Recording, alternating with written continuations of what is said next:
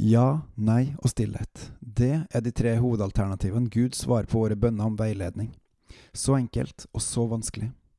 Men Gud, skal jeg, eller skal jeg ikke? Velkommen til Gud i sentrum, der jeg, Håkon Winnem, skal eh, snakke om det her.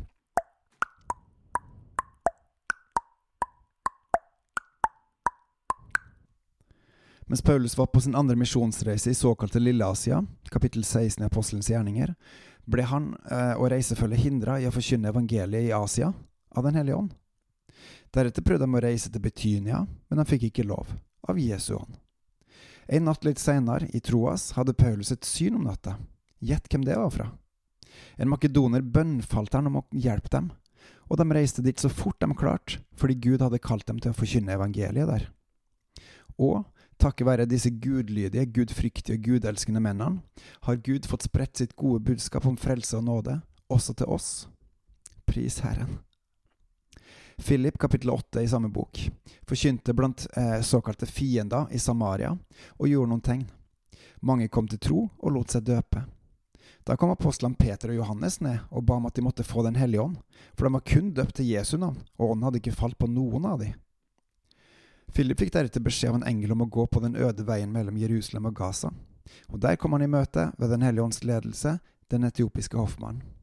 Og da Philip hadde døpt han, rykka Den hellige ånd Philip bort til Ashtod, sånn at den egyptiske mannen plutselig ikke så han lenger. Den etiopiske hoffmannen var fylt av glede, naturligvis, nå som han hadde blitt kjent med Herren Gud, himmelens og jordens skaper, opprettholder og fullender, og kunne snakke direkte til og med han. Dette er to enkle fortellinger fra Bibelen om noen som lot seg lede av Gud gjennom Den hellige ånd. Er det sånn for oss i dag? Eller ser vi lite av det her, og i så fall hvorfor? Jeg kjenner mange, meg sjøl inkludert, som tar med Gud til råds når vi skal gjøre viktige valg. Hvor skal jeg bo, hvem skal jeg gifte meg med, hvilken jobb skal jeg gå for, eksempel? Valgene er mange, mulighetene likeså. Da er det godt og riktig å involvere Gud i det her, dersom man ønsker å leve for Han. Problemet er, lever vi for Han, eller tror vi at vi lever for Han? Når leste du sist gjennom Guds ord? Mater du deg daglig med Guds ord, både det skrevne og det Han sier direkte til deg og oss?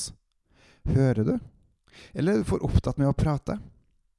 Er du villig til å høre, eller er du redd for hva Han kommer til å si? Vi kan ikke elske både Gud og mammon, denne verden. Vi kommer da til å elske den ene og hate den andre.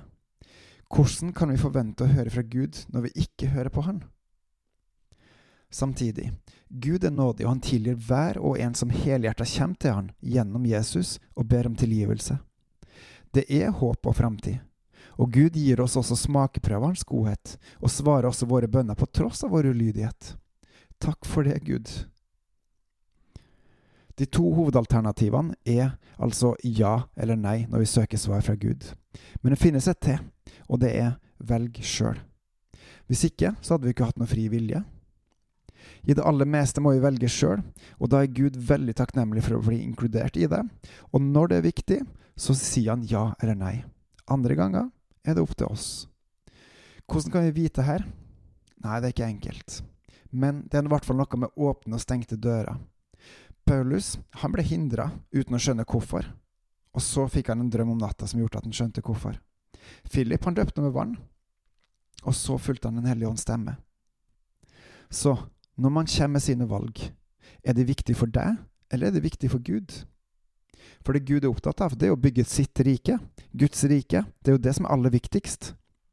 Derfor, når vi spør om hjelp i valg, så tenker jeg at vi må ha hovedfokus på at valget skal bidra til at Guds rike vokser, at Hans rike vokser, ikke vårt eget. Og så drypper det også på klokkerne. Men sørg for å leve nært Herren, så veileder han deg i sitt rikes arbeid.